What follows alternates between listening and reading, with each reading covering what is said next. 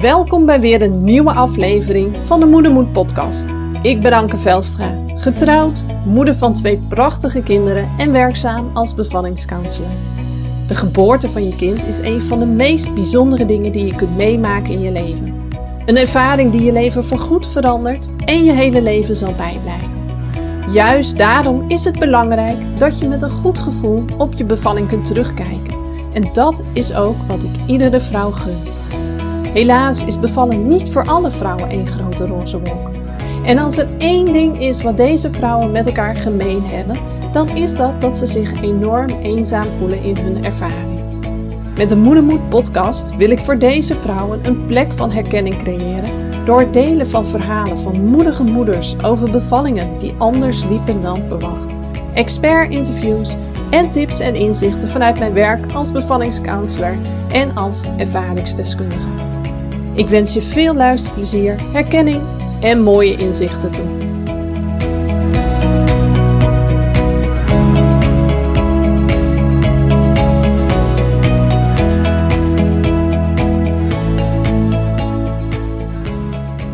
Hey, wat leuk dat je er weer bij bent bij deze nieuwe aflevering van de Moedermoed podcast. En in deze aflevering wil ik het met je gaan hebben over ja, eigenlijk een gezegde wat heel vaak tegen mensen wordt gezegd als ze iets heftigs hebben meegemaakt. Namelijk, de tijd heelt alle wonden. Nou, daar ben ik het dus totaal niet mee eens. Want de tijd heelt niet alle wonden. De enige die de wonden kan helen, dat ben jij. Zelf of eventueel, sorry, met een stukje hulp. Maar jij bent degene die dat doet. En niet de tijd.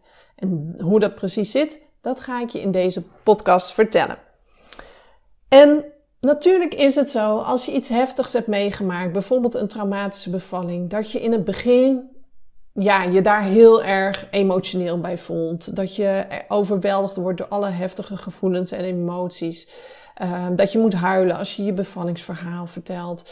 Dat je eigenlijk telkens uh, de bevalling uh, opnieuw als een soort film ehm, ziet voor je ziet spelen, zeg maar. Dat is volkomen normaal dat dat gebeurt. En je zult ook merken dat naarmate de weken een beetje vorderen, dat die hele scherpe randjes daar een beetje afgaan. Um, maar het feit zit er dan in, is dat dan echt door dat je het verwerkt hebt, dat je het goed een plekje hebt gegeven, of dat je daar een manier hebt gevonden om jezelf staande te houden. Want als je nou heel eerlijk bent en je kijkt eens even diep bij jezelf naar binnen en uh, je gooi even alles overboord. Wees even gewoon bloedje, bloedje eerlijk tegen jezelf op dit moment. Kun jij dan nu op dit moment over je bevalling praten zonder dat je nog emotioneel wordt? Stel, je bent ergens uh, op een verjaardag of wat dan ook en het gesprek raakt over bevalling en ja, er wordt eigenlijk jou ook aangekeken van, goh, vertel eens over jouw bevalling. Kun je dat zo doen of merk je dan nog dat er heel veel emotie op zit? Moet je misschien je tranen wegslikken op dat moment? Of misschien nog wel erger, ben je compleet gestopt met het vertellen van je bevallingsverhaal. Juist omdat er zoveel lading op zit en dat je dat liever niet meer wilt voelen.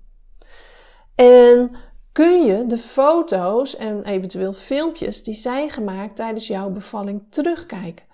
Zonder dat je daar nog heel erg emotioneel van wordt. Zonder dat je dan opnieuw in een herbeleving van je bevalling terechtkomt. Waarin je alle pijn weer moet ervaren. Alle heftigheid die je toen hebt ervaren opnieuw moet ervaren. Of staan die foto's en die filmpjes nog steeds ergens in een mapje op jouw computer voor het moment ooit? Uh, moet je er nog steeds een geboorteboek van maken omdat je dat zo graag zou willen, maar heb je dat nog steeds niet gedaan? En slaap je s'nachts goed? Even los van als je nog een jonge baby hebt die s'nachts nog om voeding komt of onrustig is. Kun jij s'nachts goed slapen? Of heb je last van nachtmerries? Nachtmerries over je bevalling. Nachtmerries waarin je achtervolgd wordt, waarin je voor dingen op de vlucht bent. want het hoeven niet eens alleen altijd nachtmerries te zijn over datgene wat je hebt meegemaakt, over je bevalling. Het kunnen ook andere hele heftige dromen zijn. Um, kun jij over jezelf en over je eigen lijf voelen dat zij het allerbeste hebben gedaan om jouw kindje op deze wereld te zetten? Of is het nog steeds vooral een faalgevoel wat overheerst? En op het moment dat een goede vriendin van jou uh, bevallen is, of een zus of een ander naast familielid, en dat zij wel die bevalling hebben gehad die jij ook graag had gewild voor jezelf, kun jij dan oprecht blij voor hen zijn? Of raakt het iets in jou? Voel je misschien zo'n hele steek van jaloezie door jezelf heen gaan en verdriet van, oh, maar dit had ik ook zo graag gewild en waarom zij wel en ik niet? kun je, als je terugkijkt op je bevalling, ook de mooie momenten van je bevalling zien. Want die zijn er absoluut ook geweest. Is het een combinatie van mooie en heftige momenten? Wisselen die elkaar af? Of is het vooral het negatieve wat overheerst? En kun je eigenlijk voor je gevoel niet meer zo goed bij de mooie momenten? En als er nog ergens een wens is voor nog een kindje, Kun je daar dan nu zo gehoor aan geven als jij daar aan toe bent? Of is het nog steeds zo dat bij de gedachte om nog een keer te moeten bevallen, het angstzweetje aan elke, alle kanten uitbreekt? Of dat je kotsmisselijk wordt bij die gedachte? En stel je daardoor je kinderwens uit voor het geval dat er ooit een moment komt dat het misschien minder wordt, die gevoelens. Nou, ik ga je uit die droom helpen. Dat gaat niet vanzelf gebeuren. Echt niet. Dus ja, dan kom je straks op een punt dat de klok gaat tikken omdat je ouder wordt. Uh, dat het leeftijdsverschil tussen je kinderen steeds groter wordt. Um, en dat je voelt dat die druk ook nog eens toeneemt. En dat je dan wel een beslissing moet nemen. Maar feitelijk betekent het gewoon dat er nog iets onder zit wat jou tegenhoudt om die keuze nu gewoon open te kunnen maken. En dat is die bevalling. Wees nou eens heel eerlijk naar jezelf. Is dit allemaal oké voor jou? Of zitten hier nog steeds dingen waar je last van hebt, maar die je vooral heel ver weg hebt gestopt, die je wegdrukt omdat je het liever niet wilt voelen? En, en weet je, ik heb daar geen oordeel over, want het is volkomen normaal om dit te doen nadat je zo'n heftige situatie hebt meegemaakt. Ik heb het ook gedaan, 4,5 jaar lang. Heel veel vrouwen doen dat. En je moet ook. Ik bedoel, op het moment dat jij bent bevallen van een kindje, ben je ook automatisch moeder. Van zo'n zo'n klein wezentje dat in één keer je aandacht compleet opeist. Dat, dat heel vaak gevoed wil worden. Dat heel veel aandacht van je wil. Het liefst zoveel mogelijk bij je wil zijn. Het moet verschoond worden. Uh, schone kleertjes aan. Uh, je hebt misschien nog meer kinderen waar je voor moet zorgen. Er is misschien nog een partner. Uh, na een paar maanden, als je een baan hebt, word je ook weer op je werk verwacht. Er is zoveel wat moet in die eerste maanden van het jonge, prille moederschap. En dan heb ik nog niet eens het over de hele verandering, transitie van ja, richting het moederschap. Hè? Wat dat nou ook met zich meebrengt. Zeker als je voor de eerste keer moeder bent geworden. Dat is zo'n aardverschuiving bijna. Dus er is zoveel wat in korte tijd gebeurt. Um, er komt gelijk al heel veel druk bij kijken. Dus het is zo logisch dat je voor jezelf een manier hebt gezocht om jezelf staande te kunnen houden in deze situatie, om door te kunnen blijven gaan, om uh, voor jezelf te kunnen blijven zorgen, om voor je kinderen te kunnen blijven zorgen, om uh, nog voor je partner te kunnen blijven zorgen, om op je werk te kunnen verschijnen en daar ook nog iets, uh, nou ja, goeds te kunnen blijven doen. Het is zo ontzettend logisch dat je dat hebt gedaan. Maar op de lange termijn hou je dit niet vol. En daar ben ik heel eerlijk in. Dit kun je niet jaren en jaren op deze manier volhouden. Er komt een moment waarop hier scheurtjes in komen. Want moet je eens voorstellen dat je al die heftige gevoelens en emoties en dingen voortdurend onder druk moet houden. Stel je eens voor dat je in een zwembad bent en je hebt een bal vast en die hou je onder water gedeeld. Moet je eens voorstellen hoeveel energie dat kost om die bal voortdurend onder water gedeeld te houden. Op een gegeven moment word je moe. Dat doe je, dat doe je op wilskracht. Dat doe je op, op, op, op ja, een soort speciale power die wij vrouwen moeders hebben. Maar er komt een moment waarop je deze power gewoon niet meer hebt. Dat, dat het op is, dat, dat je leegloopt. En dat gaat zich vaak op een andere manier vertonen dan direct het trauma. De kans is heel groot dat als je hier langere tijd mee rondloopt, dat je te maken krijgt met een burn-out. Puur omdat ja, je gewoon leegloopt op het allemaal onder, ja, onder druk te houden. Om al die emoties en gevoelens te onderdrukken. Dat kost zoveel energie. En dan ondertussen probeer je op al die andere vlakken al die ballen in de lucht te houden. Er komt een moment waarop dat niet meer lukt. En al die ballen rechtstreeks, loodrecht naar beneden storten. En uh, je gewoon niet meer kunt. En uh, opgebrand thuis op die bank zit. En wat er dan vaak gebeurt, is dat we insteken op de burn-out en daarvan willen herstellen. Maar heel vaak wordt dan niet de link gelegd met het bevallingstrauma. En gaan we eigenlijk symptomen bestrijden, want in dit geval is de burn-out een symptoom van het bevallingstrauma wat eronder ligt. Dus we gaan ergens een pleister op plakken en dan hopen we dat als we die batterij weer een beetje opgeladen hebben, dat we verder kunnen. Maar ondertussen blijf je al die heftige gevoelens en emoties onderdrukken. En is de kans heel groot dat je na een poosje weer in dezelfde situatie terechtkomt. Dit wil je toch niet? Echt niet. Weet je, en bij mij is het ook overkomen. Ik wist niet dat ik last had van een bevallingstrauma. Ik wist wel dat ik een hele heftige bevalling had meegemaakt. En dat ik me daar behoorlijk, ja, sorry voor mijn woorden, maar kloten bij voelde hoe dat was gegaan. En me ook kloten voelde over mezelf. Over hoe ik, uh, ja, hoe ik en mijn lijf uh, zich hadden gedragen tijdens de bevalling. Hè? Het, voelde als één groot falen.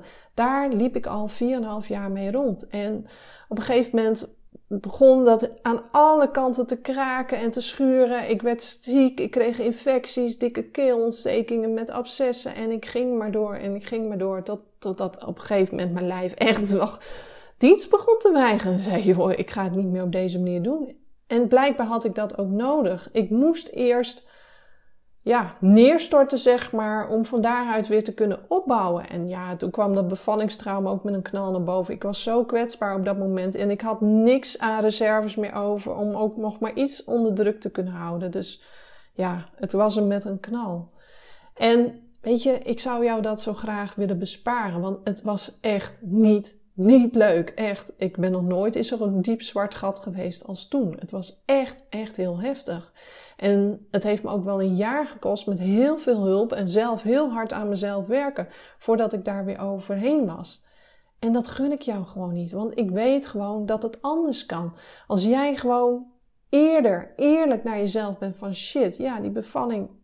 Ik heb, ik, het lukt me gewoon niet zelf om een plekje te geven. En ik merk gewoon hoeveel energie het me kost om dat telkens onder druk te houden, al die heftige gevoelens en emoties. Ik ga hem nu aan, het is klaar dan hoeft dit met jou niet te gebeuren. Weet je, dan, dan kun je dit voor zijn. En ja, hoe je daarna voelt, ja, dat is met geen, geen pen te beschrijven. Dat voelt zo licht, zo fijn, zo opgelucht, zo anders.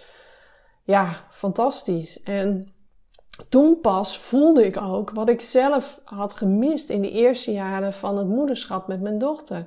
Ik stond op stand overleven in plaats van stand geniet van het moederschap ik ging maar door. Ik, ja, ik werkte kei en keihard en uh, deed in plaats daarvan niet de leuke dingen met mijn dochter, die je normaal gesproken als moeder en dochter samen zou willen doen, moeten doen in die periode. Dus dat was best wel heel heftig. Het voelt voor mij nu echt als een soort gemis van die periode.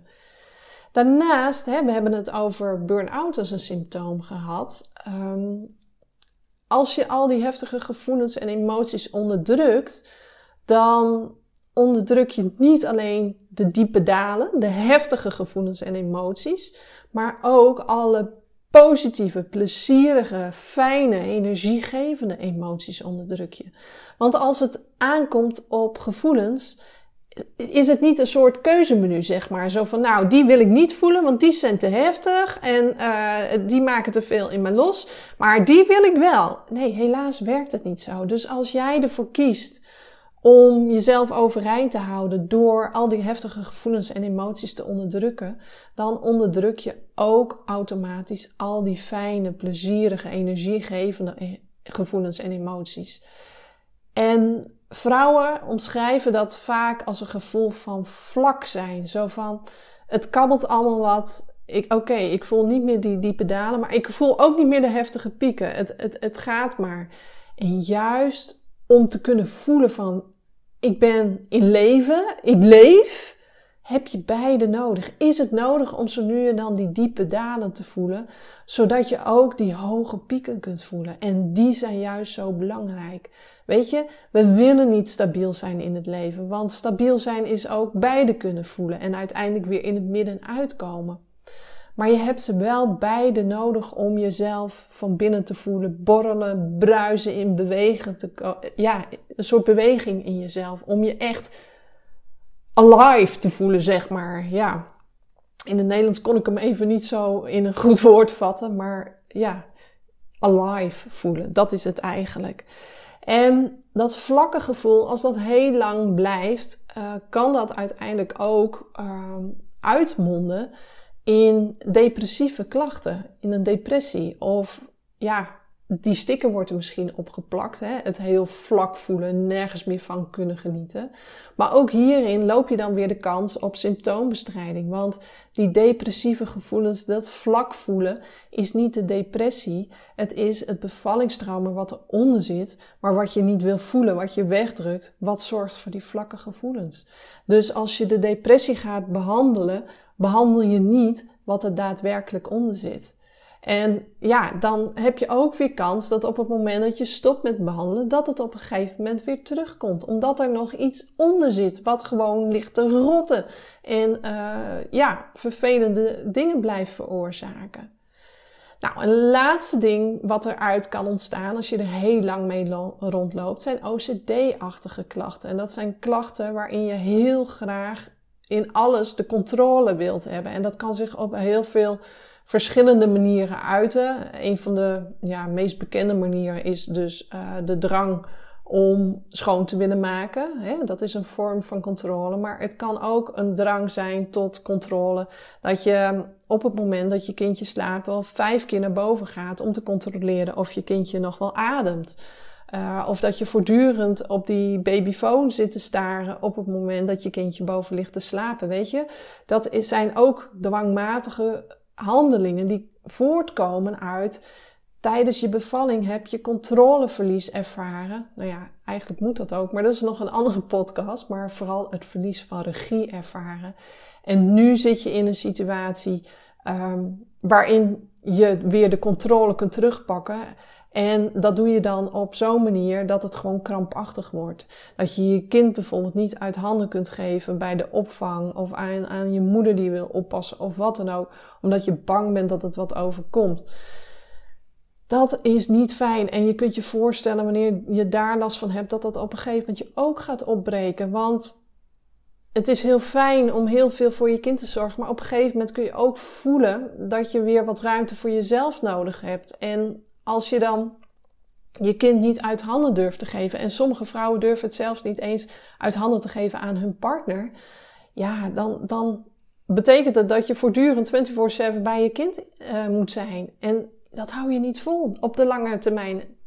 Dus ook daar zit iets. En ook daar kun je weer gaan behandelen op deze klachten. Maar waar komen ze vandaan? Waar zijn ze ooit ontstaan? Natuurlijk, in die bevalling waarin jij complete controle en regie bent verloren. Daar is het ontstaan. En daar zit dus het werk. En niet in het bestrijden van de symptomen. Nou, ik heb weer een heel stuk bij elkaar gekletst uh, over dit onderwerp. En ik hoop dat je nu ook voor jezelf een eerlijk beeld hebt van waar sta ik nou? Heb ik het echt goed verwerkt? Um, ja, is het bij mij wel de tijd geweest die de wonden hield? Of heb ik vooral gekozen voor een overlevingsstrategie? En weet je, dat gebeurt niet altijd op een bewust niveau. Veel vaker gebeurt dat onbewust, want je moet iets in die situatie. Um, om mezelf staande te kunnen houden. Maar als ik heel diep bij mezelf naar binnen kijk, heb ik het eigenlijk nog niet goed verwerkt. Als dat het geval is, dan is er maar één ding wat je kunt doen. En dan kom ik weer op mijn titel. De tijd hield niet alle wonden, maar jij kunt dat wel. In actie komen. Ga hulp vragen. Als jij zes tot acht, verder bent dan zes tot acht weken na je bevalling en je hebt nog steeds dit soort gevoelens, of je bent juist heel hard aan het werk om het allemaal weg te drukken, dan gaat dit niet vanzelf over. Dan gaat dit niet vanzelf minder worden. Dan gaat dit niet vanzelf een plek krijgen. Daar heb je hulp bij nodig. En dat kan voelen als een enorme stap om hier hulp bij te voelen. misschien denk je ook wel van, oh, wat zal diegene wel niet van me denken? En uh, ja, maar mijn bevalling was toch volgens het boekje, maar mijn gevoel niet.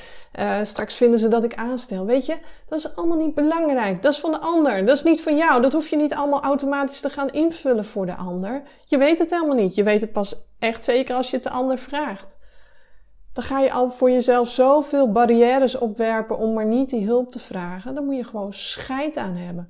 Je moet jezelf belangrijk genoeg vinden om hiermee aan de slag te gaan. En om je beter te voelen. Om lekkerder weer in je vel te komen te zitten.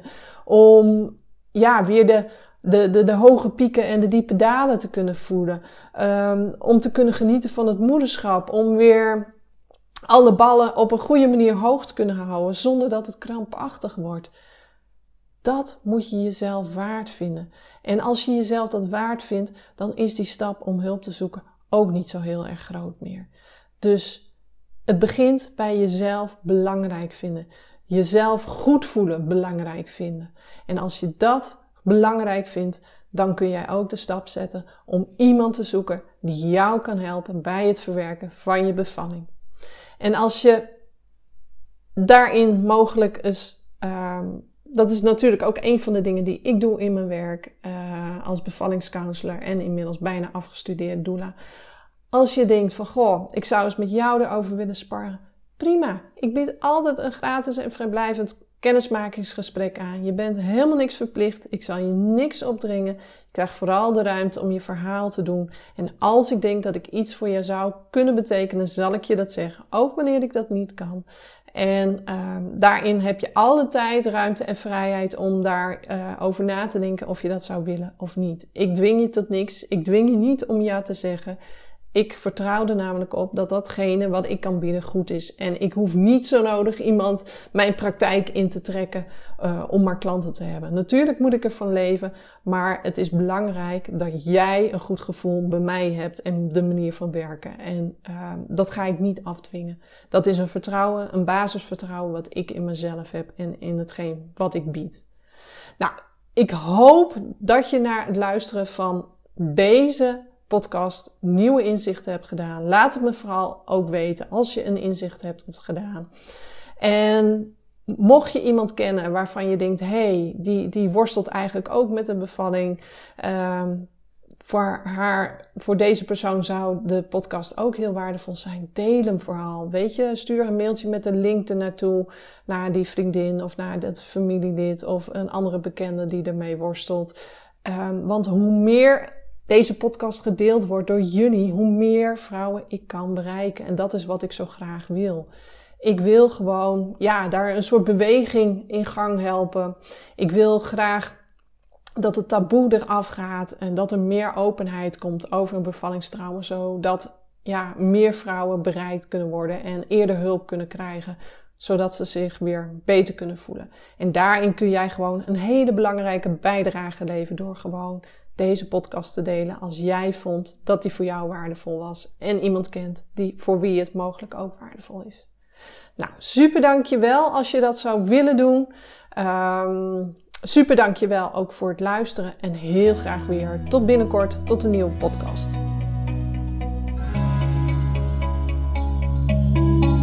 Heel erg bedankt voor het luisteren naar deze aflevering van de Moedermoed podcast. Vond je deze aflevering interessant en waardevol?